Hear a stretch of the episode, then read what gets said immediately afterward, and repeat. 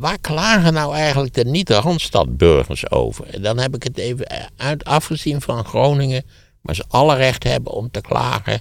Niet waar? Of de, eh, of de, de, de slachtoffers van de toeslagenaffaire, alle recht om te klagen. Nou, het zit meer iets in gevoel, denk ik. Ik denk dat mensen vinden op het platteland of in de kleinere steden, die zijn wat behoudender. En die vinden de mensen in de stad te, te ja, progressief. dat zou best kunnen, maar goed, ze hebben toch, daar in Rukve hebben ze toch nergens last van.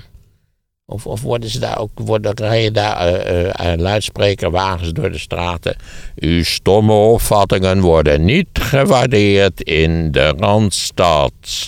Als u zo doorgaat, dan wordt u er gewoon uitgedonderd. Het verlossen, kunt u mij horen?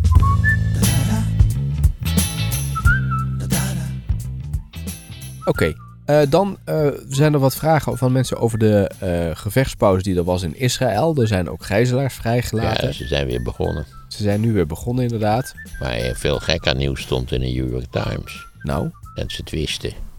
Dat ze al een jaar wisten dat Hamas dit van plan was. Ja, dat klopt inderdaad, ja. Maar dat ze het niet zo serieus hebben genomen. Omdat ze dachten, ze kunnen dat niet. Ja, een raar verhaal. En toen schijnt Hamas nog in dit jaar enorm geoefend te hebben in juli of zoiets. En dat vonden ze ook, hebben ze ook niet zo serieus genomen. Dat wordt op die manier wel een heel raar verhaal, toch? Ja. Want zelfs als je denkt, ah, ze kunnen het niet, valt wel mee. Dan is het nog raar dat ze kennelijk geen enkele vorm van voorzorgsmaatregel getroffen hebben. Ik bedoel, moet ik, moet ik hier ook toch, toch in de richting van een samenzwering? Eh, nou, ik vind het een heel gek verhaal. Ze zeggen, zoek dat nog eens wat verder uit hoe dat eigenlijk zit. Het is dan wonderlijk dat, dat die veiligheidsdiensten in brede zin en ook de IDF het gewoon volledig genegeerd hebben. Zeker als je de geschiedenis kent, hè, van hoe, hoe fel ze in het verleden zijn geweest. Ja, een heel raar verhaal. Bij de minste scheet uh, werd er meteen actie ondernomen. Ja. En nu hebben ze het laten lopen. Ja, tot twee maal toe dus. Eerst bij het dat ze kennelijk over een document met het plan beschikten. En toen, toen Hamas uh, serieus geoefend had hoe ze dat moesten gaan doen. Ja. Dat is een heel raar verhaal. Ja. Dat zet de situatie ook voor Netanyahu geweldig onder druk. Ja, want ze beweerden dat ze hadden Netanyahu ook voor het gemak maar niet geïnformeerd. En dan nog. Klinkt een beetje als Schom van Strien, die ook zei: Ik ga Wilders maar niet te vertellen over die fraudezaak. Ja, dat uh, doet het wel een beetje. Nou ja, het, het, ik vond het echt een heel raar verhaal. Wat toch wel wat nadere duiding en, en nader onderzoek nodig heeft. Hoe heb je naar die gevechtspauze gekeken? Wat voor waarde heeft dat? Zolang ja, iedereen hoopte natuurlijk dat de gevechtspauze toch tenslotte zou leiden tot een, een blijvende, of in ieder geval een durende wapenstilstand. En dat is niet het geval. Al begreep ik wel uit het verhaal dat er verder werd onderhandeld tussen Hamas en ja, Israël. Dat zei Qatar, ja. Ja. ja. Dus ja, laten we hopen dat het zo snel mogelijk tot stilstand komt. Omdat naar mijn gevoel, eh, nou ja goed, de, de reactie van Israël oké, begrijpelijk, maar tegelijkertijd ook buiten alle proportie was. Ja. Even kijken. Um, een heel lang bericht eh, van iemand. Ik uh, zal eens even kijken of we daar uh, de kern uit kunnen halen. Meneer Van Rossum, allereerst bedankt voor de podcast. Mijn respect voor u groeit steeds weer wanneer ik u duiding hoor geven aan de huidige politieke situatie. Als overwegend linkse stemmer is het soms moeilijk te begrijpen wat mensen zien in de rechtse populisten. Maar uw college over populisme, dat heeft me in ieder geval veel inzichten verschaft. Dank daarvoor. Als Brabander leef ik in een wereld waar Wilders voor mij onbegrijpelijk mateloos populair is en ook in mijn familie voel ik me vaak een vreemde eend. In een discussie afgelopen weekend was het duidelijk dat iedereen aan tafel met trots op de PVV had gestemd, uitgezonderd mijn vrouw en ik. Je voelt de frustratie oplopen als je in discussies gaat met klimaatontkenners, de Zwarte Piet aanbidders, de boerenbeschermers en de moslimhaters, maar het levert helaas allemaal heel weinig op. Als mensen zich niet willen verdiepen in op wie ze stemmen en zich alleen laten leiden door hun onderbuikgevoel en de mooie praatjes op tv, dan ga ik ze ook niet kunnen overtuigen. Wat zijn uw ervaringen hiermee? Dat is eigenlijk de vraag van deze vraag. Ja, dat is een heel interessante vraag. Omdat ik, ik weet niet wanneer, wanneer het was, gisteren of eergisteren. Ik, ik eigenlijk filosofeerde over, de, over. Ik zit natuurlijk ook in een bubbel. Ik ken niemand die op de PVV gestemd heeft. Niemand. En als een kennis van mij, of laat staan een familielid, ze zeggen: Ja, ik heb ook maar eens op die de PVV gestemd. Dan zou ik verbijsterd zijn. En ik geloof wel de discussie aangaan. Maar ik, ik denk dat, uh, dat er enigszins gefrustreerde brief schrijven. Ik hoop dat hij niet dat hij in Rukven woont. Want Rukven was de plaats waar de PVV het met zwaarst had gescoord, landelijk. Dik boven de 50 procent. Maar wel al jaren, hè? Dat was niet nu een Oh, uitzondering, maar al Rukven jaren. had, had deze reputatie. Wel een fijn oord, hè. Dat je denkt, oeh, Rut, je zult, je zult toch niet op de PVV hebben gestemd en uit Rukven komen? Ligt onder Breda, hè? Ja? Volgens mij wel, ja. Tussen Breda en Ik Zundert. heb in. geen flauw idee. Ik had er eerlijk gezegd nooit van gehoord voordat dit tragische nieuws Nou ja, misschien, over deze, misschien moeten ze je uitnodigen om over deze zonderlinge gemeente. Nou ja, ik heb ook wel eens in Ozaan gesproken, meerdere malen zelfs. En daar bleek toch een zeer omvangrijke populistische eh, factie te zijn in dat, in dat Ozaan. Oké. En, Maar in Rukver ben je nooit geweest. nee. Maar dan moeten de mensen Maar in goed, Rukver je ja, ik, uitnodigen. ik zit natuurlijk in een, ik leef in een wereld waar geen PVV-stemmers zijn. Dus dan, dan, dan, dan, dan heb je natuurlijk ook, dan is het. En ik weet dat, ik ben ervan overtuigd dat als je zo'n PVV-stemmer tegenkomt, dat het best aardige man of vrouw is. En, en dat, je heel, dat je bij de kruidenier best kunt zeggen van, nee, de bondjes zien er vandaag wat minder uit. Of, of god, er weer bloemkool, maar dan houdt u ook zo van bloemkool. Ja, ik ben gek op bloemkool. Dat, dat, hè. En dat je dan niet zegt van typisch PVV is om dol te zijn op bloemkool. Hè? Waardoor ik nooit meer bloemkool wil eten. Dat zoiets, zo is dat. Nee, eh, je, je- je leeft in een bubbelwereld. Hè? Dat geldt natuurlijk ook voor de, mijn woonomgeving, mijn familie, mijn kennissen. eh.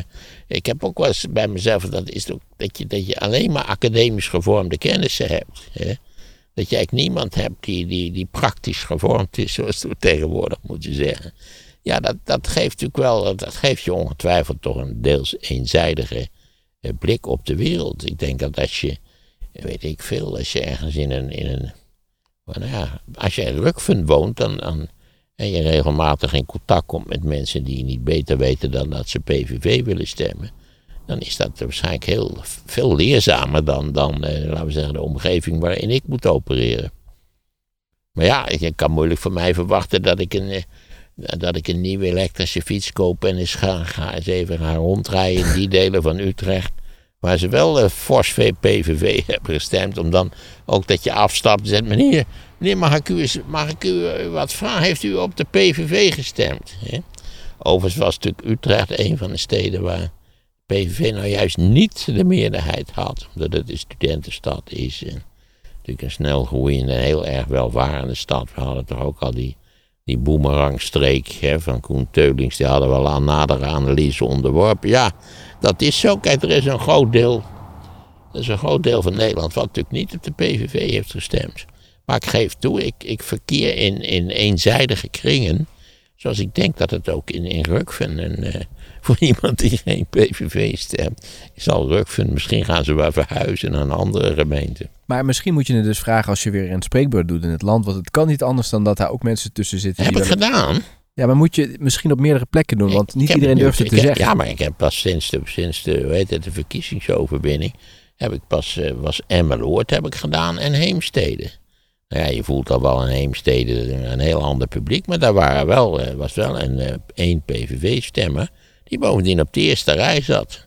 Ook heel, dat was duidelijk ook enorm met zichzelf ingenomen. En wat was de Dat- reden dat hij daarop gestemd had? Heeft hij dat verteld? Ja, dat, dat zei hij niet. Ik, ik zei natuurlijk van, goh, ik gaf een aantal voorbeelden waar de PVV dan eh, voor is. Dus eh, ja, het verlaten van de Europese Unie, en terug naar de gulden en ja, die hele ware poppenkast. En toen zei hij, ja, zei die man, eh, zo op een hele losse toon, daar gaat het allemaal helemaal niet van komen. Het was gewoon goed om eens een keer een signaal te sturen. Hè? Ik, ook ook sterk, toch sterk gedreven door, naar mijn idee, totaal onbegrip over het immigratieprobleem. Ja, Hoe, zelfs als je het allemaal heel erg vindt, is nog niet duidelijk hoe wij het immigratieprobleem gaan indammen. Hmm. Bovendien, ook daar weer zal dat deels enorme schade toebrengen aan het eh, economisch welvaren in Nederland. Maar daar zit natuurlijk wel de les in dat, dat jij dit gesprek eh, aangaat met die mensen die op de PVV hebben gestemd, zodat je wat begrip krijgt voor hun eh, overwegingen. En een Wilders moet op zijn beurt, want ik zag van de week bij Galide en Sofie zag ik dus mensen met, eh, met hoofddoekjes zitten en die, die voelden zich aangekeken in de trein omdat iedereen denkt van, oh ja, Ja, je weet hoe dat na, na de brexit, dat allerlei mensen op straat riepen, flikker op naar je eigen land, je bent hier niet welkom. naar de Britten. Ja, de Britten. Ja, en dat zeiden deze mensen dus nu ook op eh, donderdag na die verkiezingen, dat ze het gevoel hadden dat ze echt werden aangestaard. En Wilders zou eigenlijk, want hij zegt dus voor die microfoon, zei, ja, jullie kunnen gewoon blijven. Ga eens gewoon het gesprek aan, want volgens mij die, die moslimgemeenschappen, die hebben hem al uitgenodigd. Zo van, kom eens praten. Maar goed, ik heb dus, ja, het, het- je begrijpt dat mijn zalen niet vol zaten met PVV-stemmers, of althans, ze waren niet bereid om een vinger op te Ik denk steken. dat ze het niet durven te zeggen Want die meneer in Emmeloord, nadat ik enige tijd met hem in gesprek was geraakt, eh, eh, en mij ook had uit- uitgelegd waar hij eigenlijk op gestemd had, wat hij ook niet zo verschrikkelijk scherp leek te weten. Overigens, die meneer in Heemstede wist heel goed waar hij op gestemd had. Maar die zei, ja, het, is, het, is dit, dat gaat toch niet gebeuren. Het is helemaal niet serieus. Dus ik heb daar ook niet, voor mijn gevoel ook niet op gestemd. Ik vond gewoon dat ze wel eens een, een, een elektrische schok mochten hebben daar. En zoiets in die geest in ieder geval. Terwijl die man in, in eh, Emmeloord, nadat ik enige tijd met hem had gediscussieerd, zei ja, toen vroeg ik, was natuurlijk een beetje lullig, van, heeft u wel spijt? En zei hij, ja, had nu wel spijt. Dat was dus de dag, volgens mij de dag na de verkiezing of zoiets dergelijks, ja. Ja, er was in Emmeloord nog een tweede PVV-stemmer, maar die, die zag er zo eigenaardig uit dat ik dacht, laat me zitten. Wat dan? Wat een soort van Dion Gaus. Ja, nou, dat, dat tref je heel goed. Ja, een, een, een enigszins grausachtige figuur. ja. Maar dus ja, als je, het zou natuurlijk heel anders zijn gelopen als bijvoorbeeld 15 mensen hun vinger hadden opgestoken. Ja, maar maar, ik- maar dat vinger opsteken, bedoel, ze- wordt eigenlijk altijd wel gereageerd op je vragen. Maar het, zijn, het is altijd heel beperkt. Dus ik had natuurlijk ook nog die vraag van wie, wie, eh, wie houdt er van asperges. Nou goed, eh, alle vingers gaan omhoog, iedereen houdt van asperges. En toen vroeg ik wie van u gaat zelf de asperges steken als, de, als straks de Polen en de Bulgaren en alle andere stekers niet meer komen. Nu stak maar één mevrouw, die stak, die, stak de vinger op die, als ik het goed begrepen heb, was haar hobby geloof ik om asperges te steken. Overigens in onze brieven zat iemand die zei van ja, die stomme van Rossum, die weet niet eens dat er tegenwoordig asperges steekmachines zijn. Nee, dat wist ik niet. Wist jij dat? Nee. Hoe zou dat gaan? Zou dat echt zo zijn? Of zou dat gemechaniseerd zijn? Ik had er nog nooit van gehoord en ook al nog nooit in een krant een stukje over gelezen. Zo van, nou ja, hebben die Polen helemaal niet nodig. We hebben tegenwoordig asperges steekmachines en die, daar gaat zo, ja. Ook, ook aardbeien plukmachines, ook allemaal meneer artificial intelligence. eh. nee, dus ik, ik ben wel benieuwd of dat, of dat gerucht waar is van die asperges steekmachines. Nou, een agrariër die dat weet, die kan het wel even laten weten. Of iemand anders die goed geïnteresseerd is.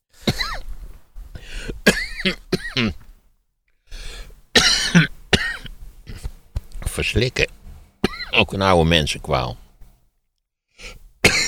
Nou, dat overkomt iedereen wel hoor. Nou, niet zo vaak als oude mensen. Nee, heb je daar vaak last van? Ja, volgens mij vaker dan vroeger. Maar het probleem is natuurlijk dat als je heel oud bent en je hebt... en dit soort van dingetjes doen ze voor... dat je altijd geneigd bent om het aan je ouderdom te bijten. Ja. een beetje, het doet een beetje denken aan de klimaatcrisis. Hè? Ja, precies. Ook maar een dag te regenen of mensen zeggen... ja, het is de klimaatcrisis. Ja. En dan schijnt, daarna eh, schijnt het zonnetje weer en is het kouder dan normaal op dit moment. Ja, het is, de klimaat, het is namelijk allemaal de klimaatcrisis. Nou, dit In was... de jaren 50 was alles altijd de schuld van een atoombom. Ja, ook heel merkwaardig. Oké, dit, dit was dus de vraag van die eh, man in eh, Brabant die, die niet eh, met de Ja, je begrijpt dat ik enorm sympathiseer met die brave man. Het lijkt mij verschrikkelijk Ja. dat je in een familie zit waar Sjoerd iedereen, waar iedereen PVV gestemd heeft. Grote god nog aan Ja. toe zeg. Ja. Het moet wel een hele aparte familie zijn. Even kijken, wat hebben we dan hier? Eh, ehm, even kijken. Hallo Maarten, misschien nog leuk om te vermelden bij de volgende aflevering. Je kunt hele hoge resolutiefoto's vinden van alle werken van Jan van Eyck op de website Closer to Van Eyck. Hier vind je ook foto's van voor en na de restauratie van het Lam Gods en allerlei technische foto's zoals infrarood en röntgenfoto's. Als je wilt weten waar welke werken van Jan van Eyck te zien zijn, kan je dit ook vinden op een grote wereldkaart. Bedankt voor de aflevering. Ik hoor altijd graag meer over Van Eyck, zegt Corné Miedema. Ja, ik begrijp het. Nou heb ik die foto's ook wel eens gezien. Dit is Corné. Hij heeft er een foto bij gezet. Oh. Was dit, is dit de Van Eyckman? Ja, die heeft net die reactie die ik jou Oh. net stuurde. Die is, dit is deze man die dat Ah, stuurt. ja. Het lijkt me geen PVV-stemmen. Nee. nee, dat denk ik ook niet. Nee. nee. Even kijken, er was ook nog iets. eh, Want ik ben ook in dat restauratieatelier geweest door, vanwege die eh, tv-uitzending met mijn broer en zus zijn we naar Gent geweest, naar het Lam Gods. En Ja. dat was ook wel fijn. Ga ik even expres vertellen. Om nog eens duidelijk te maken wat een ongelooflijke elitaire klerenleier ik eigenlijk ben. Want dan het was daar natuurlijk vol. Want die, dat, die, dat trekt veel publiek. En dan, als je dan met zo'n cameraploeg komt en met de juiste papieren, wordt iedereen weggejaagd. Oh ja? Ja, dat doet me altijd enorm genoegen. Dat kan ik me voorstellen, ja. Je hebt nog een keer verteld dat eh, Nou, natuurlijk, maar goed. Mijn, mijn ouders waren een keer in het Rijksmuseum toen eh, die blockbuster tentoonstelling daar voor de laatste keer was. En toen liep daar dus eh, Beatrix met eh, Constantijn. En daar werd het publiek dus niet weggestuurd. Die konden gewoon daardoor blijven lopen. Ja, maar kijk, voor de tv moet je een beetje ruimte hebben. Die ruimte is niet zo verschrikkelijk groot daar. Ah, oké. En, en dus dan werd ook al verder heel beleefd gedaan. Wilt u even, ja, wij- hoe lang hebben wij daar gestaan? En natuurlijk drie kwartier of zo. Niet, Niet heel arrogant geweest. van de grote tv-ster van Rossum komt hier binnen op sodemieteren. Nee, maar daarom vertel ik het een beetje, een beetje aangezet. Ja, Dat mensen zich kunnen ergeren, begrijp je? ja, ja. ja. Nou, Ik wil, ik wil graag veel kans ook voor ergernis bieden. U kunt zich beter afreageren in ergernis op mij, aangezien ik toch nergens iets van enige betekenis te vertellen heb, dan eh, in de politiek de verkeerde stem uit te brengen. Jij bent niet bang dat er hier mensen met fakkels voor de deur komen? Nee, nee, nee. Absoluut niet. Die man met die fakkel over, die was een patiënt. Dat was een gek. Iemand, ja, we hebben natuurlijk we hebben voortdurend in Nederland te maken met, met patiënten die, die vrij rondlopen omdat ze kennelijk niet patiënt genoeg zijn. En dan worden ze waarschijnlijk opgehuurd door de social media en dan krijg je dat fakkelfenomeen. En dan moet ik zeggen, dan is kennelijk toch de bewaking eh, bij, bij Kaag schromelijk tekortgeschoten. Of die was er helemaal niet, dat kan ook. Ja. Maar ik begreep dat met een aantal belangrijke ministers wel degelijk bewaakt worden. Hallo Maarten, mooie bespreking van het Lam Gods Dank. En dan nog even verder relativeren. Niet een kwart van de stemgerechtigde mensen heeft op Wilders gestemd, maar een kwart van de stemgerechtigde mensen die op is komen dagen bij de Ja, stembus. daar heeft hij ook groot gelijk in. Dat Nog is minder. waar. Nou, Skaren is een dame, dus eh, Oh, klaar, dank u wel. ja. Want ik had die cijfers gezien, 10 miljoen mensen zijn gekomen en 13 miljoen, ik rond even af, en 13 miljoen mogen. eh, Oh, dat is eh, 3 miljoen minder. Ja, dat is. Want de opkomst was 78 ja, of zo. 77, komma nog wat. Ja. Ja. Ja, dan komt toch 22% niet op daar natuurlijk. Ja. Wat op zich jammer is, nou, dat, er bestaan heel wisselende analyses over de. Stel voor dat ze allemaal zouden komen, wat voor reden dan ook. Maar er staan heel wisselende. En dan zijn sommigen zeggen, ja, dan zouden die populisten nog veel meer winnen. Maar ik heb ook al gelezen dat het eigenlijk heel weinig verschil zou maken over voor de uiteind, Ja. einduitslag. En wie zijn die 3 miljoen? Waarom komen die niet? Dat zijn eh, deels de, de onthechten, hè, voor het ook alweer, de mensen die sowieso eh, alle geloof verloren Maar hebben. waar leven die? Ja, in Nederland. Maar ja, in, in achtergebleven streken van Nederland. Je, zou, je moet natuurlijk eerst even uitzoeken waar de opkomst het laagste was. Dat is toch vaak in de, in de, in, in de wat mindere buurten van de grote steden is dat vaak. Jonge mensen zijn nu voor een belangrijk gedeelte, die zijn altijd slecht bij verkiezingen. Eh, Daar is wel een initiatief voor, hè? De, kies, de kiesmannen. Die dan met pro- theaterprogramma's ook hier in Tivoli die jongeren proberen aan te spreken. Maar misschien nog een te elitair helpt- karakter. Dat, ja, dat helpt niet echt, naar mijn idee. Nee? Je zou eens even uit moeten zoeken hoe, hoe het zit met de opkomst. Want die is natuurlijk van, van ik zal maar zeggen, dit, eh, hier, wij stemmen hier in die school om de hoek. eh. ik heb dat ook wel eens uitgezocht. Maar bijvoorbeeld in, in dit district is de opkomst ontzettend hoog. En nogal links, ja, ik zeg het maar even. Ja, Linkse, dan zeggen ze linkse zakkenvullers hier in de... nou ja, we hebben hier het University College, hè, wat staat hier ietsje verderop. Dus eh, ik, ik sta vaak bij, bij de, bij de eh, kruidenier. Nou, ik, het is eigenlijk geen echte kruidenier, maar dat je alleen nog maar eh, buitenlandse, buitenlandse talen hoort. Echt? Ja, Oh, erg. allemaal immigranten. Nou ja, studenten, allemaal studenten. Allemaal perfect geklede Japanse meisjes. Dat is ook zoiets. Nee, in Japan daar moeten ze wat te besteden hebben. Dat is mijn indruk wel. Wilders is wel de bekendste politicus in het buitenland, hè? De bekendste Ja, dat ik politicus in het buitenland, ja. Net als Trump de bekendste Amerikaanse politicus is Ja. in het buitenland. Ja. Hè? En Poetin de bekendste Russische politicus Ja. is in het buitenland. Het klinkt alsof Tom denkt dat het Lam Gods enkel de naam van het kunstwerk is en dat in kerkdiensten en preken overal waar het over het Lam Gods gaat gerefereerd wordt aan het kunstwerk van Van Eyck. Maar het Lam Gods is een beeldspraak waarmee door theologen de verlossende functie van Jezus dood wordt aangeduid. Veel voorgangers die het over het lam gods hebben, die zullen zelfs nooit van het betreffende kunstwerk of, of uh, jij noemde het een altaarstuk, uh, hebben gehoord. Dat was inderdaad in de vorige aflevering zo, omdat er in die, als je in die kerken zit, dan hebben ze het wel eens over het lam gods, maar dat is dus... Nee, nee, nee, nee, het is uh, dat het, het schilderij, het altaarstuk verbeeldt het offer van Jezus. Ja. Want dat, dat lam, dat staat daar midden op het grootste paneel in het midden, niet waar? En uit het, de hals van het, van het lam wat overigens, waarvan, hè, daar hebben we het al over gehad, dat het, het hoofd is ingrijpend gere, uh, gerenoveerd, ik bedoel uh, gerestaureerd. Ja. En het heeft nu een beetje, beetje gemeen, het kijkt nu een beetje gemeen, het lam. Dat is heel merkwaardig. Oh, is dat zo? Maar uit de borst van het lam komt dus een straaltje bloed wat in een soort van kelk terechtkomt. Ja, ja. Even kijken, zou Maarten iets willen zeggen over de tactiek van de Russen om vluchtelingen over de EU-grenzen heen te zetten om te destabiliseren? Straks zijn we een ultra-rechts Europa, wordt hier door iemand gezegd. Hebben we het natuurlijk eerder al over gehad. Nou ja, dan moet je zeggen dat de Russische tactiek, dat is trouwens ook, ook Wit-Rusland doet dit trouwens, bij mij weten, uh, die, uh, die is op dit punt vrij effectief. Dat wil zeggen, het, het leidt er alleen maar toe dat vervolgens de grens wordt afgesloten. Denk aan Finland. Ja. Verder een enorm fatsoenlijk land, maar die hebben nu wel hun hele oostgrens afgesloten. Ja. En ook daar helemaal in het noorden, waar die lui, waar al die fietsers arriveerden, die, die dan Noorwegen binnen fietsten, zal ik maar zeggen. Dat is volgens mij ook afgesloten. Ja. Hè, want Noorwegen grenst ook aan Rusland en net boven Zweden, zou ik maar zeggen.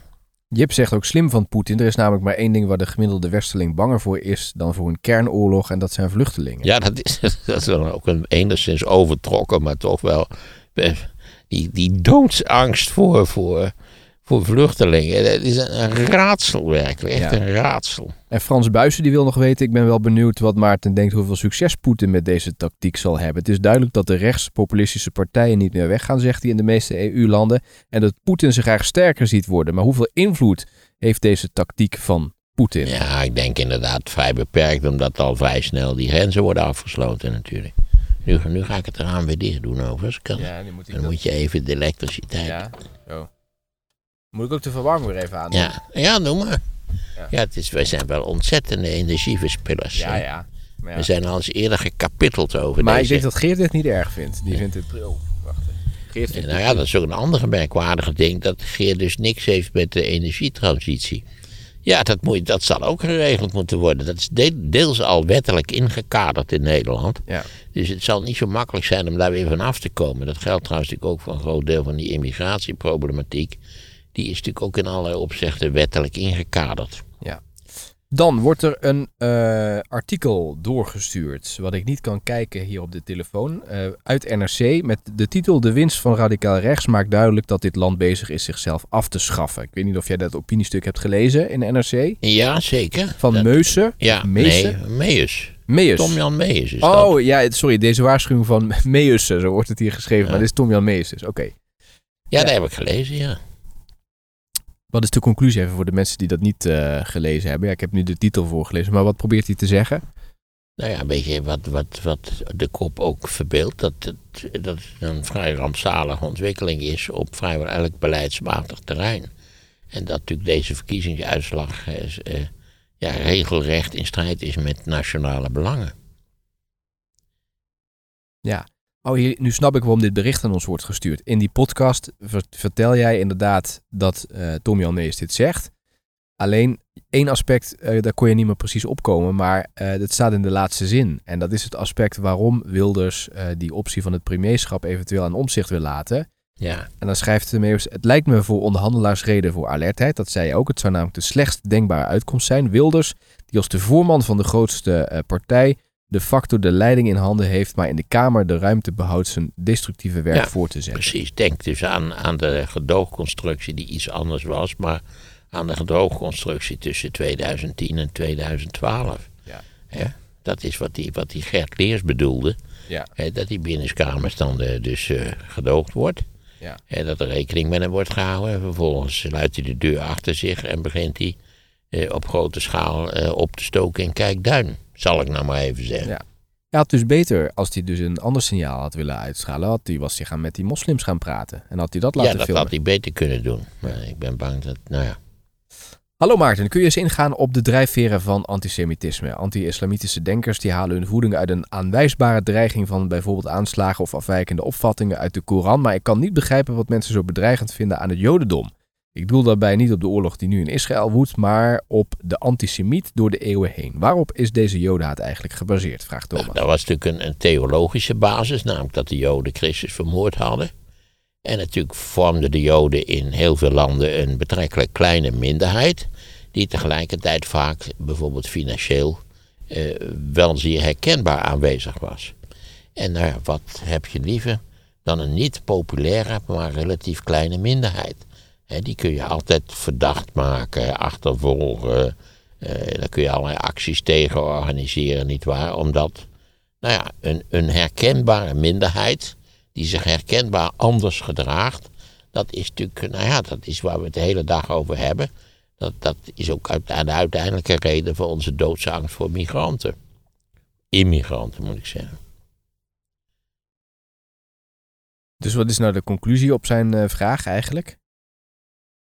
Dat dat nogal voor de hand liggend is. Dat de Joden altijd een betrekkelijk kleine minderheid zijn geweest, die door velen werd gezien als een, eh, zowel uit theologische overwegingen als bijvoorbeeld uit praktische overwegingen, als een gevaarlijke minderheid, als een bedreigende minderheid. Dan een Minder- vraag. Minderheden zijn altijd bedreigend, dat is het probleem. Pieter Liebrechts, die komt uit Veldhoven. Het eh, dorpje van ASML. Overigens door eh, eh, hier EW heeft de topman van eh, ASML, Peter Wenning, uitgeroepen als Nederlander van het jaar. Oh, dat moet, ja, dat is wel, dat strookt ook niet met de verkiezingsuitslag, hè? Nee, Geert Wilders was het ook bijna geworden, heb ik begrepen. Oh, dat is wel een heel, heel wonderlijke keuze, niet waar? Ik heb het idee dat het komt omdat hij zwaait af volgend jaar. Hè? Dat ze nog dacht- dachten zo'n soort van Nou, eerbetoon. misschien moeten we eens luisteren naar wat hij te melden heeft over kennisimmigrant. Peter Wenning. Ja, ja nou, die wil die, die, wil die graag hebben. Ja, ik, zeg dat wel. Ja. Hij heeft hele grote moeite mee. Maar ik begon inderdaad met die eh, Pieter Liebrechts uit Veldhoven. Die zegt namelijk, Maarten vraagt zich af waar de ontevredenheid toch vandaan komt. Het heeft alles te maken, zegt deze meneer, met het landsbestuur dat steeds elitairder is geworden. En het beleid dat alleen de happy few zich kan veroorloven. Nederland was ooit tolerant, maar als je tegenwoordig kritische vraagtekens zet bij ongebreidelde immigratie, eh, doorgeschoten klimaatbeleid, de woke-waanzin, dan word je door de bestuurlijke elite en media niet serieus genomen, maar weggezet als tokkie, racist of xenofoob.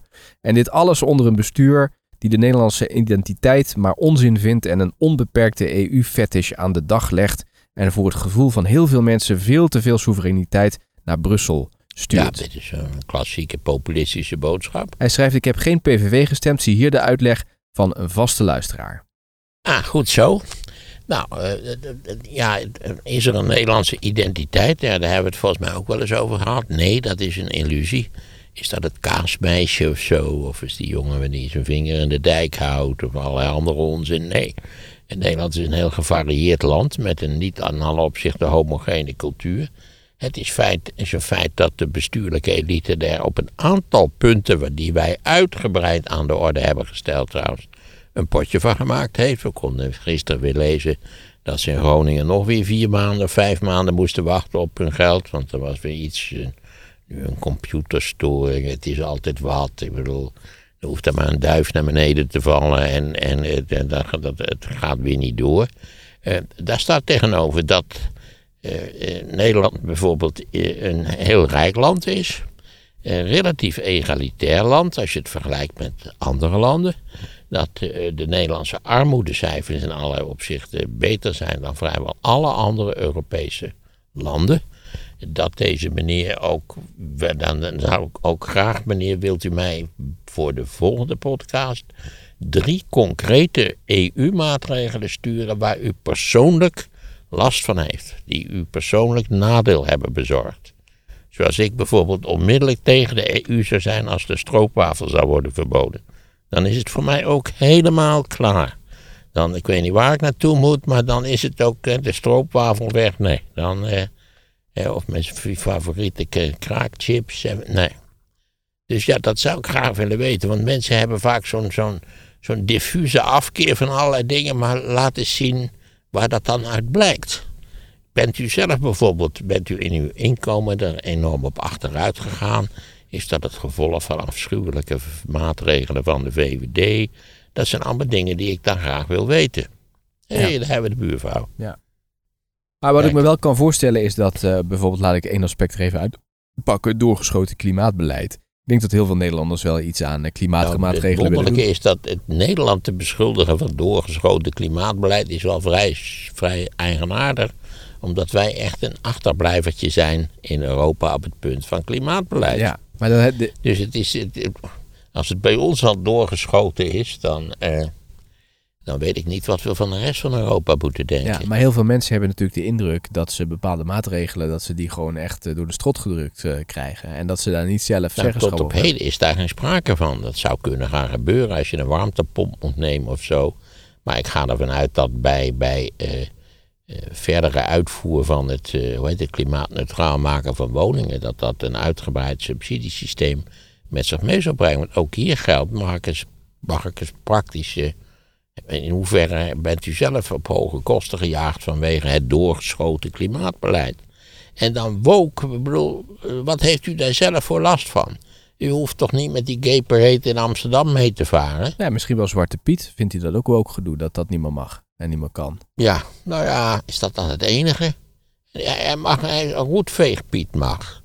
Eh, Stroopwafelpiet mag. Nee, je moet het, dit is ook wel een beetje zo'n zo'n zo'n tirade.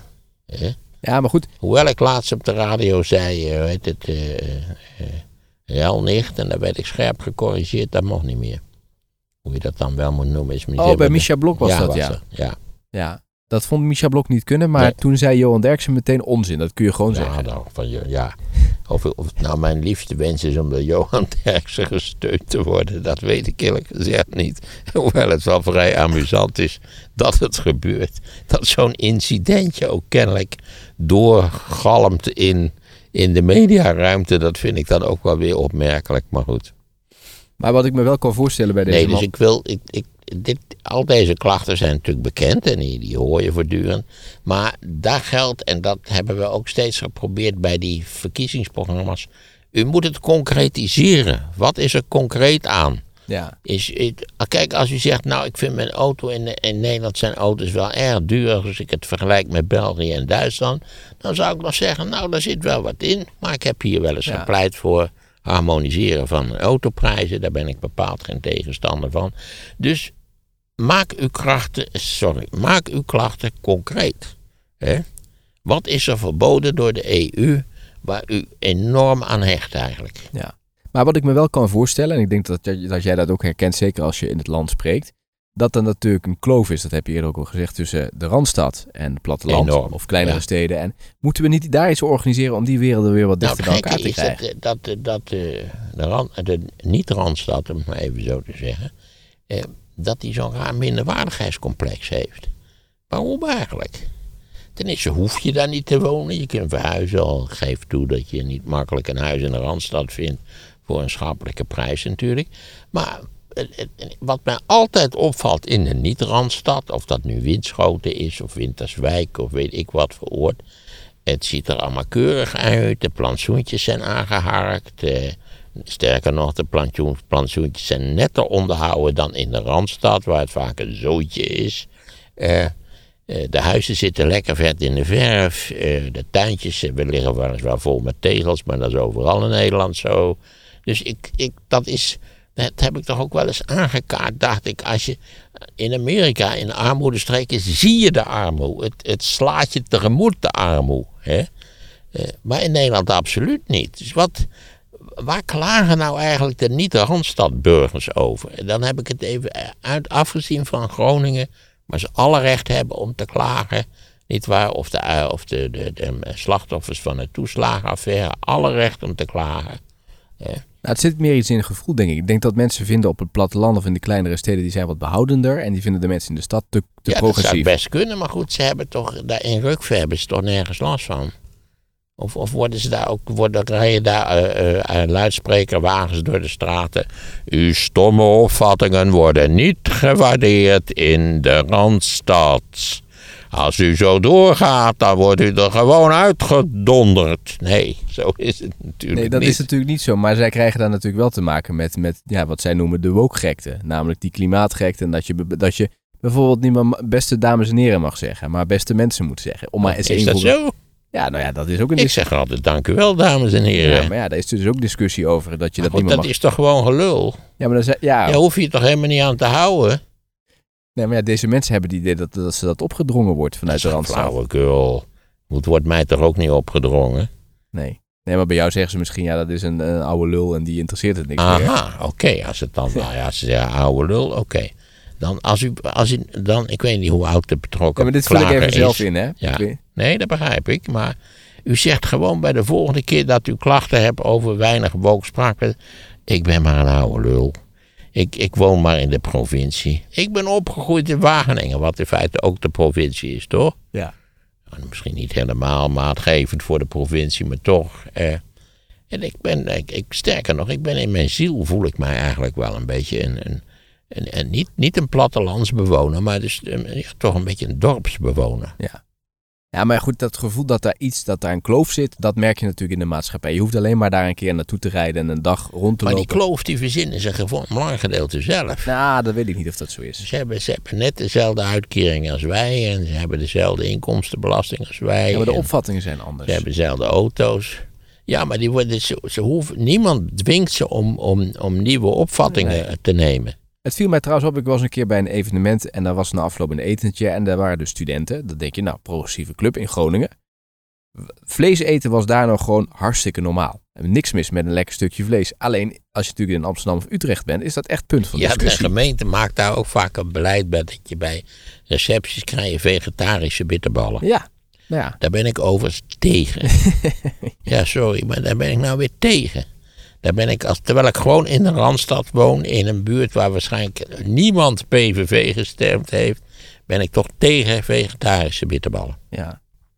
En dan zo'n, kijk dus ik ben me graag bereid om een grote reclamecampagne te begeleiden, nietwaar, voor niet-vegetarische Ja. bitterballen. kijk, en nu doen we allemaal wat kleinere dingetjes, maar ik kan me voorstellen als het over de... Nou, mijn indruk is toch dat, dat, dat er, daar hebben we het al eens eerder vaag hebben we dit probleem aangeduid. Waarom zijn ze eigenlijk zo ongelooflijk ontevreden? Er zijn bij 2,5 miljoen mensen op Geert gestemd. Je voelt wel aan je water, dat zijn niet allemaal mensen die het arm hebben, of die niet uitkomen met hun uitkering, of die, die, die niet voor niks een rollatortje, weet, nou ja, zeg maar, maar dat kan niet het geval zijn. Het, het, het is een soort, het is een soort ongerichte woede. En, en nou ja, kijk, kijk op X. Hè? Van waar die ongerichte woede. Die, van waar die idiote scheldpartijen. nou zijn dat Waar- wel, hoeveel mensen zitten er op Twitter? Een paar Nou, honderdduizend? Ja, een paar honderdduizend geloof ik. Ja, dus dat is ook niet heel representatief. Nee, het is niet representatief, maar het, het laat toch zien dat er, dat er op allerlei terreinen een soort, soort woede is. Ja. Ik proef ook in die tirade, zeg ik, denkt u daar nou eens goed over na. En komt u nou volgende keer eens met een hele reeks van concrete punten waarop u zegt, dit kan eigenlijk niet. Ja, die man uit Veldhoven bedoel je? hè? Ja, Die- precies. brief, ja. En dan notabene uit Veldhoven, nietwaar? Een van de meest succesvolle locaties in Nederland. ja, misschien vindt hij dat ook wel niet fijn. Dat hij denkt allemaal die buitenlandse mensen die hier de huizen Ja. Dween wordt daar natuurlijk van lui die, die enorm knap zijn. Ja, Ja, en, en eh, die Peter eh, Wenning van ASML, die helpt die mensen natuurlijk ook eh, voor een deel. Ja, doet hij ja. Ik dacht dat zij ook, ook voor woonruimte en zo, dat dat daar natuurlijk ook, dat is daar ook een heel probleem. Ja, Maar goed, dat, daar hebben we het ook uitgebreid over gehad. Het is een beetje lullig om dus de, de, de immigranten de schuld te geven van onze eigen wooncrisis. nee, dat is waar. Die wij zelf georganiseerd hebben. Maar dan toch nog even één aspect uitlichten wat ook speelt, maar nu in dit geval in Kijkduin. Hè, eh, waarvan Wilders zegt, nou ja, deze mensen die hebben niet gevraagd om eh, eh, die vluchtelingen, die komen hier zomaar. Vind je dat hij daar een punt heeft? Nou, ik, ik neem aan dat de, de plaatsing van die vluchtelingen een onderdeel is van een beleidspakket. Dat ze niet, niet gewoon in Te Apel hebben gezegd van jongens, wie, wie wil er naar Kijkduin? Nee, we, nee, we nee. hebben Er staat volgens mij de grens is 2000 en het waren er nu 2500, dus moesten er in Ja, ieder geval... en daar eh, is neem ik aan beleid voor en daar zijn oplossingen voor. Want ik begreep dat de wethouder in de raad had gezegd. De volgende dag was er dan in de raad een vergadering en dan is ook geroepen: dat willen we niet, de weg ermee en zo. Grenzen dicht. eh. En toen had de wethouder gezegd van ja, ik, ik kon niet anders. Dit, eh, dit, Nee. dit, dit was beleid wat... eh, Nou ja, Van Zanen die was er dus ook bij bij die informatiebijeenkomst om die wethouder te steunen. En die zei, ja, we kunnen die mensen daar niet in het gas laten liggen met nee, deze daar taal. heeft hij natuurlijk ook alweer gelijk in. Ja. Maar nogmaals, volgens mij is het een onderdeel van beleid. En er is natuurlijk een soort spreidingsbeleid als het helemaal misgaat. We hebben toch al eens eerder van die, van die centra gehad. Met tenten en zo. Ja. Nu dan een hotel. Kunnen u aan Maarten vragen Dan wat... mag ik er ook op wijzen dat natuurlijk de, de problemen in Ter Apel voor een belangrijk gedeelte georganiseerd zijn. Gewoon, dat laten ze expres, laten ze daar de emmer, de emmer overlopen. Ja, daar werd ook heel veel op gereageerd, zag ik. Van mensen die zeiden, ja, waar haalt Van Rossum dat vandaan? Dat, dat- waar heeft hij dat eh, gehoord? Dat, nou, dat- eh, heb ik met, met enige regelmaat heb ik gelezen dat dat veroorzaakt wordt door het feit dat zodra het de aantal eh, asielzoekers ook maar een heel klein beetje afneemt, dan wordt er onmiddellijk grootschalig afgeschaald. Met als gevolg dat als het weer wat toeneemt, dat er onmiddellijke problemen ontstaan, omdat ze dan wat minder snel opschalen. Dat, kan die, eh, dat kunnen de, de boze mensen die. Ook daar weer de onmiddellijke boosheid. Hè, de, de woede, het schelden. Het, het, nou ja, wat, wat, wat is ons toch overkomen? Steven Bosman-Romein, die eh, stuurde ook een bericht. Kun je aan Maarten vragen wat hij vindt van het standpunt van eh eh, Nieuw Sociaal Contract? Dat er duidelijkheid moet komen over sommige standpunten van het PVV-programma. Voor mijn gevoel kan een coalitieakkoord toch bepalen wat wel en ook wat niet wordt overeengekomen. En daarnaast kan een partij toch nog steeds haar eigen standpunten houden. Ik ben mordicus tegen de PVV, maar als partijen andere partijen gaan uitsluiten op basis van een verkiezingsprogramma, dan komen we toch nergens. Of heb ik het mis? Vraagt hij. Nou ja, uitsluiten. Ja, als, als, als een partij zich in, in zoals, de partij van de zoals de PVV zich heeft opgesteld, dan moet je zeggen, ja sorry, daar kunnen wij geen coalitie mee aangaan. Dat is met omzicht wat omzicht met zoveel woorden zegt. Eh, Je zult je als partij ook aan een soort minimumpakket moeten houden. En je kunt niet je, je permitteren om voortdurend in feite de Nederlandse instituties en, en, de, en de principes waarop die gebouwd zijn niet voortdurend in twijfel trekken, uitschelden. Eh, hou eens op met schelden bijvoorbeeld, dat lijkt me al heel simpel. Ja. Ik vind het zo heerlijk interessant om Maarten van Rossum eh, te zien en eh, te horen spreken. Een vraag voor Maarten. Denkt u dat Dylan mogelijk werkelijk wil vasthouden aan haar voorwaarde dat ze niet onder Wilders premier wil regeren en dat ze mogelijk anders klinkt als Wilders het premierschap wil opgeven? Vraagt Joris. Dat zou best kunnen, dat weet ik niet. Dat is, ik weet niet precies wat er intern in de VVD besloten is. Kijk, kijk dat, dat eh Jessel Gus dit zegt en tot op heden ook gepraktiseerd heeft, dat moet in overeenstemming zijn met, met partijbeleid. Dat kan haast niet anders. Eh, dus wat zou er zijn met meerdere mogelijkheden? Jessel Gus wordt eruit gegooid omdat zij in feite als, als politiek leider mislukt is. Dat valt vol te houden per slot van rekening. Nou ja, dan kan er iemand anders komen en zeggen van ja, ik denk daar anders over. Maar het, het, ik denk toch dat ze ook in het, in het partijapparaat of aan de top van dat apparaat, naar mijn idee ook wel enigszins terecht, eh, eh, heel weinig voelen voor, voor medeverantwoordelijkheid in een kabinet waar Wilders de leider van is. Ja. Ook wellicht ook op grond van de historische ervaringen die ze met Wilders hebben opgedaan.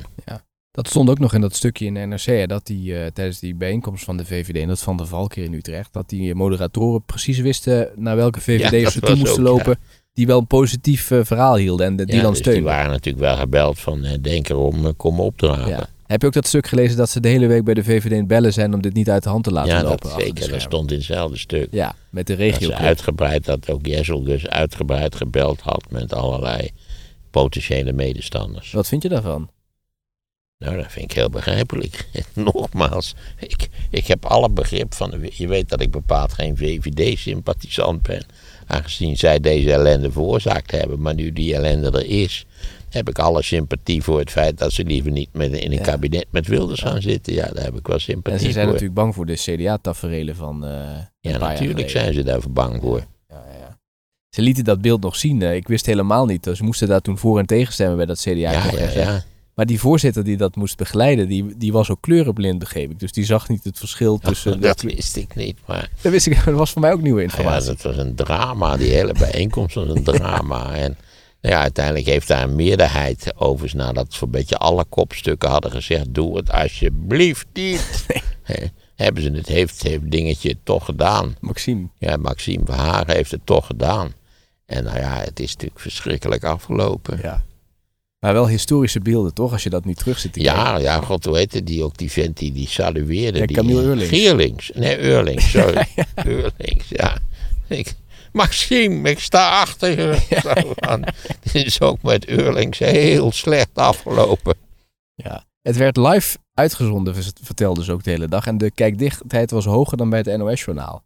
Om Ja, acht uur. nou ja, dat was ook wel een... een ja, het drama werd zichtbaar gemaakt natuurlijk. Even kijken, kan Maarten wat zeggen over de woningssituatie en de nood, de woningnood in andere landen en waarom die daar wel of niet bestaat? Nou, die bestaat bijvoorbeeld in Duitsland in veel mindere mate, omdat daar het, het hele systeem volkomen anders in elkaar zit dan bij ons.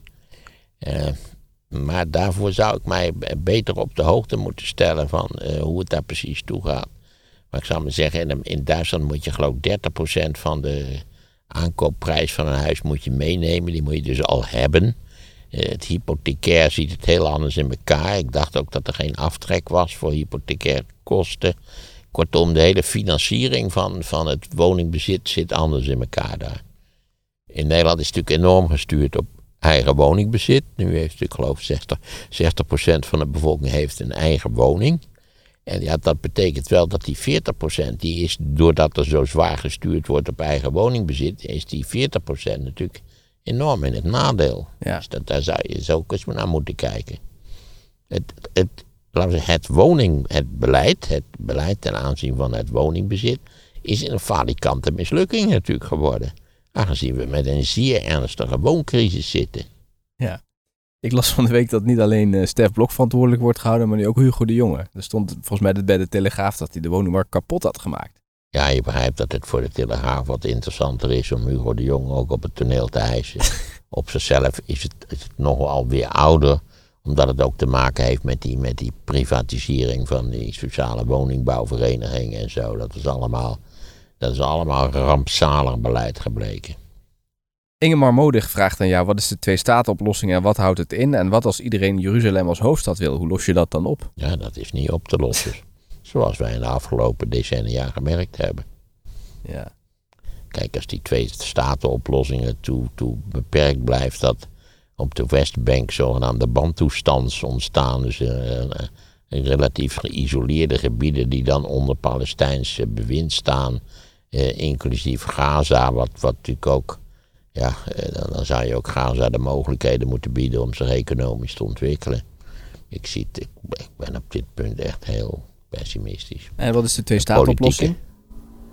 Dat het dus een, een, een staat Israël is, die Israël, maar dat er ook een zelfstandige staat eh, Palestina komt. En die is er nog niet. Nee, die is er niet, nee. Nee, sterker nog, de Palestijnen zijn ontrecht, zoals dat heet. Die, is- ja, die staan gewoon onder Israëlische bezetting, behalve in de Gazastrook. Maar de Gazastrook is, dat kan, dat kan iedereen lezen, is de grootste open gevangenis ter wereld. Hallo, en dan komen we nog even bij wat eh, eh, onderwerpen die worden aangedragen. Misschien een idee eh, als onderwerp voor de podcast Strafrecht in Nederland. Mocht Maarten zich hier eerder in verdiept hebben, lijkt het mij interessant om meer te horen over strafrechtadvocaten, het OM en de Hoge Raad. Dit laat luisteren en lezen van verschillende zaken en interviews van onder andere Wim Anker.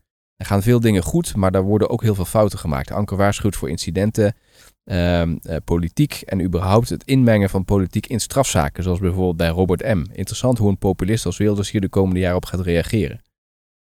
Ja, ik moet hier dus eigenlijk eh, onkunde bepleiten. Ik weet te weinig van, eh, van zeker ook van het strafrecht specifiek, om daar op, korte termijn iets verstandigs over te zeggen.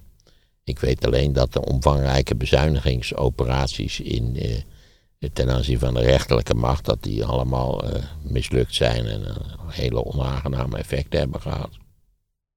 Maar dus een eh, podcast over het strafrecht kan deze meneer op zijn buik Nee, schrijven. voorlopig gaat dat er niet van komen. Ja, of, of we moeten een briljante strafrechtadvocaat kunnen huren die bereid is om achter jou te gaan zitten met een tweede micro. We hebben nog wel een kanaaltje vrij, Ja, ja, toch? dan moet hij wel de toga aan doen, vind ik.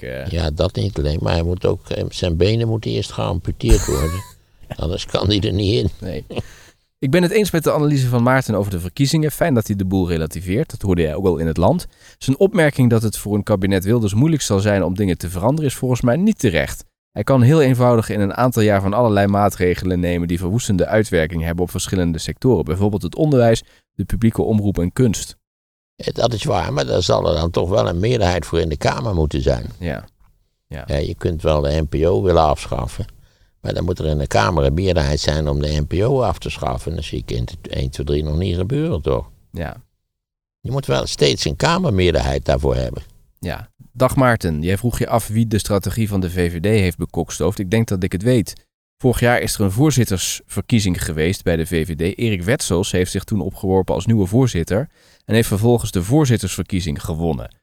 Als je kijkt naar zijn beweegredenen om voorzitter te worden, dan is het heel aannemelijk dat de nieuwe koers vooral vanuit hem is voortgekomen. Zie hier zijn post op LinkedIn van destijds waarin hij zijn standpunten uitlegt. En dan stuurt hij dat mee waarom ik VVD-voorzitter wil zijn. En dan zegt hij, nou, wie heel duidelijk gelinkt is aan een inhoudelijke flank, moet fel en gepassioneerd de discussie in de partij aangaan en daarom gewaardeerd worden. Een voorzitter die sport getalenteerde mensen uit de partij op. De partijvoorzitter moet gepassioneerde discussies de ruimte geven. Geen ambitie om politicus te worden. Ik mis mensen die naar elkaar luisteren en samen proberen om tot een standpunt te komen. De VVD moet weer de partij zijn waar goede discussies. Nou, dat komt steeds terug, die de goede discussies. Um, geen klapmachine. Moeten de partij van de automatische piloten afhalen. Ruimte bieden aan vernieuwing, et cetera. Dus ja, toch, eh, dit is, dit is duidelijk een soort verscherping van het interne debat. Maar ik hoor nou niet zo van, we moeten zo snel mogelijk van de coalitie af of zo. Of, of we we zijn nu te veel gevallen, gevangen in, nee, wat zei Jessel dus ook weer, waterige compromissen. Ja. Ja. Ik weet Kijk, dat Nederland is onvermijdelijkerwijs een land van compromissen. Kun je lang over praten, je kunt er kort over praten, maar willen we hier niet tot een burgeroorlog geraken, dan zullen we toch compromissen moeten sluiten. Ja.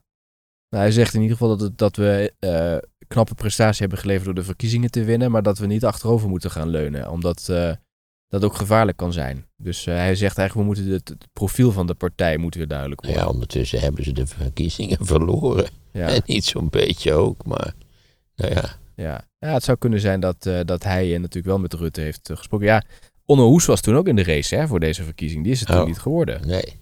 Dus die had misschien wel andere keuzes gemaakt. Even kijken, dan hebben we hier nog even, beste Maarten, zou het niet kunnen zijn dat de VVD wacht tot Rutte secretaris-generaal is en daarna weer aan tafel aanschuift? Ja, dat klinkt ook wel erg cynisch ook. Ik denk het niet, ik weet het niet. Ik weet zelfs niet of, of, of Rutte's kandidatuur daar in Brussel, of die, eh, ja, of die eh, sterk beïnvloed wordt door deze rare verkiezingsuitslag. Ja, Beste Maarten, heel interessant. De analyse over Geert Wilders. Sowieso is het interessant om te kijken hoe politici zich gedragen in debatten en hoe ze de emoties van mensen weten te raken. Neem Wilders, die succesvol lijkt te zijn door dominant te zijn en te zeggen wat mensen graag willen horen. Ook historische figuren zoals Hitler gebruikten gebaren en symbolen om een sterke boodschap over te brengen. De vraag die opkomt is of het gedrag van politici los van hun standpunten bepaalt hoe goed ze het doen. Het lijkt erop dat emoties soms belangrijker zijn dan rationeel denken, vooral bij het gewone volk. Dit roept vragen op over hoe politieke leiders communiceren en hoe mensen daarop reageren. Wat denkt u dat dit betekent voor de manier waarop we in een democratie beslissingen nemen en wat zegt dit over de verantwoordelijkheid van zowel politici als burgers? Ik zou het waarderen als u mijn vraag wilt beantwoorden, vraagt Michelle. Ja, dat is nog wel wat. ja. Eh, ten eerste denk ik dat het niet verstandig is om bij dit soort van gelegenheden meteen Adolf Hitler er weer bij te halen. Geert Wilders is geen Adolf Hitler. Daar bestaat niet zo verschrikkelijk veel twijfel over, lijkt mij. Hij heeft ook lang niet eh, de retorische gaven van Adolf Hitler. Moeten we nog aan toevoegen natuurlijk. Maar Wilders is wel een klassiek voorbeeld van een populistische leider. Namelijk waarbij toch de, de charismatische leider eigenlijk beschouwd wordt als, als het hart van, van, van het gehele systeem.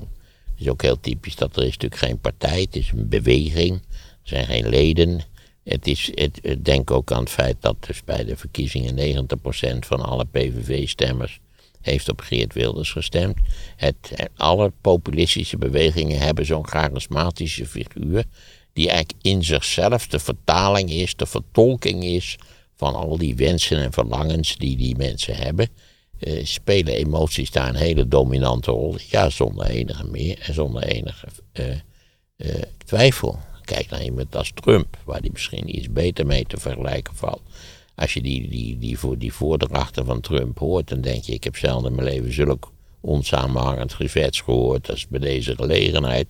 Maar op een of andere manier weet hij toch die, die enorme menigte die hij trekt, dat, dat doet hij, dat, die weet hij toch gevangen te houden in, die, nou ja, in, die, in dat charismatische gevoel wat hij opwekt. Of wat hij, wat hij uitstraalt. Dus ja, spelen emoties een enorme rol in de politiek zonder enige Ja. twijfel. en zij vraagt dus ook best een verantwoordelijkheid voor politici om daar zorgvuldig mee om te gaan. Ja, maar je begrijpt wel dat als ze ook in de verste verte het vermoeden hebben dat ze heel makkelijk en goed op emoties kunnen inspelen, dat ze dat natuurlijk ook doen. Ja. Hoe is het eigenlijk in Amerika met de verkiezingen en de aanloop daar naartoe? Nou ja, Bi- Biden staat er slecht voor. En, en Trump eh, wordt vrijwel zonder twijfel wordt Trump de kandidaat van Er was nog zo'n mevrouw die zich had opgeworpen. Ja, zeker. Zeker. Bij zo'n manier, hoe heet ze ook alweer? Die, die, is, die doet het goed. Die heeft ook nu, eh, krijgt geld van, van allerlei eh, ultra-rechtse geldschieters. Dan kan ik natuurlijk nu weer niet op de naam komen. Zo'n zo'n zo'n zo'n gouverneur. Indiaanse achtergrond had ze. Hè? Ja, zeker. Ik zoek het even op. Republikein. Ja, waar moet je op zoeken? Republikeinse presidentskandidaat. Anders dan Trump. Kijken wat we dan krijgen. Maar god, Frans Verhaar haalt een aardig stuk in de, in de kwaliteitskrant. Waar die in die nog steeds zegt: eh, Ik geloof niet dat Trump de, kan, de, de kandidaat zal zijn. Oké. En als die Nikki is- Haley. Ja, precies. Nikki Haley. En, en dat, die krijgt dus nu ook forse bedragen, maar lijkt mij de kans dat ze, dat ze Trump alsnog daar van de troon stoot in die Republikeinse partij lijkt mij bijzonder klein. Maar je weet maar nooit. Het, kan altijd, het is per slotverrekening nog een heel jaar. Ja, dat is nog een lang. heel jaar. En die rechtszaken komen er nog Ja. aan. Dus ja, eh, ja, het is treurig dat de Biden er zo slecht voor staat. En ja, dan zegt iedereen, ja, Biden moet weg. En dan zou het beter zijn. En ik geloof daar niks van. Ik begrijp ook niet zo goed wat Biden aan... Biden is, een, is, is geen grootse president. Ik bedoel, het zal de laatste zijn om dat te beweren. Maar hij heeft het, voor zover ik dat kan zien, op de grote dossiers redelijk gedaan. Eh, hij loopt een beetje moeilijk, maar ja, dat doe ik ook. Eh, hij is iets minder verbaal begaafd dan ik. Dus En hij dat, valt af en toe om. ja, dat kan ook. Ik val ook wel eens om. Hè. Vooral als je natuurlijk medi- medicamenten Maar jij bent geen president. Nee, ik ben geen president, dat is waar. Maar ik, wil maar zeggen. eh, ja, laat ik er dat van zeggen. Het is, het is een, er is niets geweldigs aan Biden. Maar alles is per slotverrekening beter dan wat de andere partij te bieden heeft. Dan Trump. Ook omdat die Santorum natuurlijk ook echt feitelijk al volledig afgebrand is. Ja. De zand is, sorry. Oké, wat gaan we de volgende keer voor onderwerp doen? Wat gaan we voor onderwerp doen? Oei, ik bedoel, Napoleon hebben we gehad. ja, dat was eigenlijk vanwege de film. Hij is niet zo'n rare onnozelaar, geloof ik, als het in de film Heb je het nog gesuggereerd over, wordt. over zo'n boek gehad? Ja, Tony Judd. Ja, daar kwamen ook nog heel veel reacties op Ja, van mensen. en die wat, zeiden, wat ze nou daarover? ja, top, moet je doen. Leuk. Oké, ja, precies. Postwar heet dat. Ja. Een enorm dik boek. Het grote voordeel is dat ik het al gelezen heb. ja, dus daar kun je gewoon een beetje Ja, eh, ik kan precies. het opdissen. Ja, want ik, als, ik, als ik Tony Judd zou doen, dan eh, doe ik dat wel meerdere malen. Dat, ga ik niet, dat kan ik niet in één keer er doorheen jassen. Nee, hetzelfde als met dat boek van ehm, onze bekende Paul Kennedy. eh, ja, dat ontzettend leuk boek, The Engineers of Victory. ja, precies. Ja, geweldig leuk boek, want dat is ook wel heel handig ingedeeld in... eh, eh, Oké, dan doen we Tony Judd Ja. volgende week. En ik moet nog even zeggen, mensen vragen, wat is toch de kwaliteitskrant? Dat is NRC, hè? Ja, dat is de NRC. Dat is ironisch bedoeld, lieve luisteraars, de kwaliteitskrant. Omdat ze zichzelf altijd de kwaliteitskrant Ja. noemen. Heb ik, spreek ik sinds jaren en dag spreek ik van de kwaliteitskrant. Zo noem ik ook altijd de Volkskrant een kutkrant. Maar dat is ook niet serieus bedoeld. Dat is gewoon, er is toch een lied van de Volkskrant is een kutkrant, als ik het maar goed Ja, dat zou kunnen, ja. ja, van die, van die Fischer. Dus ja, ja, en omdat ze me ooit ontslagen hebben als columnist. Maar tegenwoordig is de Volkskrant een keurige krant. Die, er, die voor zover ik hem al. Ik, zie hem wel een stuk. Die twee kranten lijken sprekend op elkaar. Dat kan niet anders zeggen. ook, qua, ook qua standpunten het lijkt mij dat die beide kranten zo'n beetje allebei hetzelfde denken. Dus een beetje, ja, wat, wat is toen... Je kunt, het is lastig om zo'n krant, zo'n hele krant te, te, beschrijven. Maar ik schat dit beide kranten toch, nou ja, dat je een, een cirkeltje trekt waarbij je de, de, de conservatieve deel van, van links uh, uh, uh, incirkelt en plus een beetje D66 dan heb je zo'n beetje het standpunt van onze dominante kranten. Ja. Trouw weet ik niet precies, omdat het geloof daar natuurlijk een rol speelt. Ja, ja, en trouw zie ik nooit. Maar dus ja, ik, al mijn benamingen voor de krantenluisteraars eh, zijn ironisch bedoeld. Oké. En nu op naar Den Briel. Ja, want hoe laat is het? Half vijf. Oh jee, ja. Vijf of half vijf al zo. Oh, oh, oh, oh, oh. Ja, ja. ja, nou ja, het zal nu nog wel druk zijn. Dat is ook zo'n. ja, het ligt dus een tikkeltje onder Rotterdam. Dus dat is. Uh, ja, ook zoiets. weet je nog dat we nooit meer files zouden krijgen? Alles werd anders. Mensen gaan heel anders leven. Dit is een ingrijpende wereldhistorische verandering. Dat schreef ook de kwaliteitskrant en waarschijnlijk ook de kutkrant. Ik, ik weet het niet zeker, maar het bleef allemaal, bleek allemaal volstrekte nonsens te zijn. Onzin, ja. ja. Ja, zoals ik nog steeds, ja, ik weet, ik ga iets heel kortzichtig zeggen. Ik heb ook sterk de indruk dat ook die AI, die artificial intelligence, dat dat allemaal schromelijk overdreven wordt. Ja.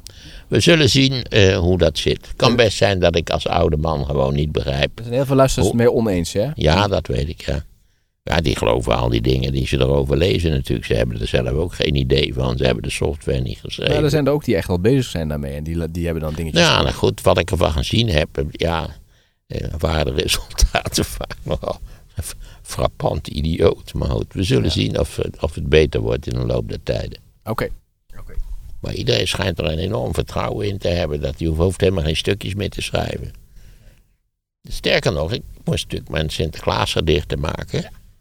En eh, toen zei iemand tegen je, nou, je hoeft je helemaal niet meer te maken. Je voert gewoon in wat erin moet staan. En dan druk je op een knop. En dan, Het Sinterklaas is volledig, eh, volledig artificial intelligent geworden. En heb je dat gedaan? Nee joh. Oh.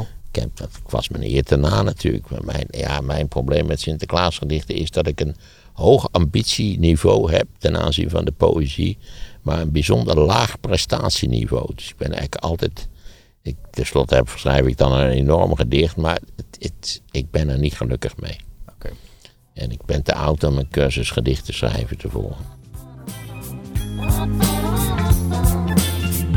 Goed, dat is toch gewoon gelul? Ja, maar dan ja. ja, hoef je toch helemaal niet aan te houden? Nu is het eigenlijk dagelijks zo dat wij in de enorme slagschaduw van Geert Wilders leven. Download nu het college van Maarten over het populisme. Hebben wij alleen de grote Geert, die boven alles uittorent, hè? zowel in letterlijke als in figuurlijke zin. Je vindt het college via de link in de show notes. En Wouter Kolk, de baas van Albert Heijn, vertelt hoe de supermarkt van de toekomst eruit ziet. Dat hoor je in de podcast Sea Level via de link in de show notes.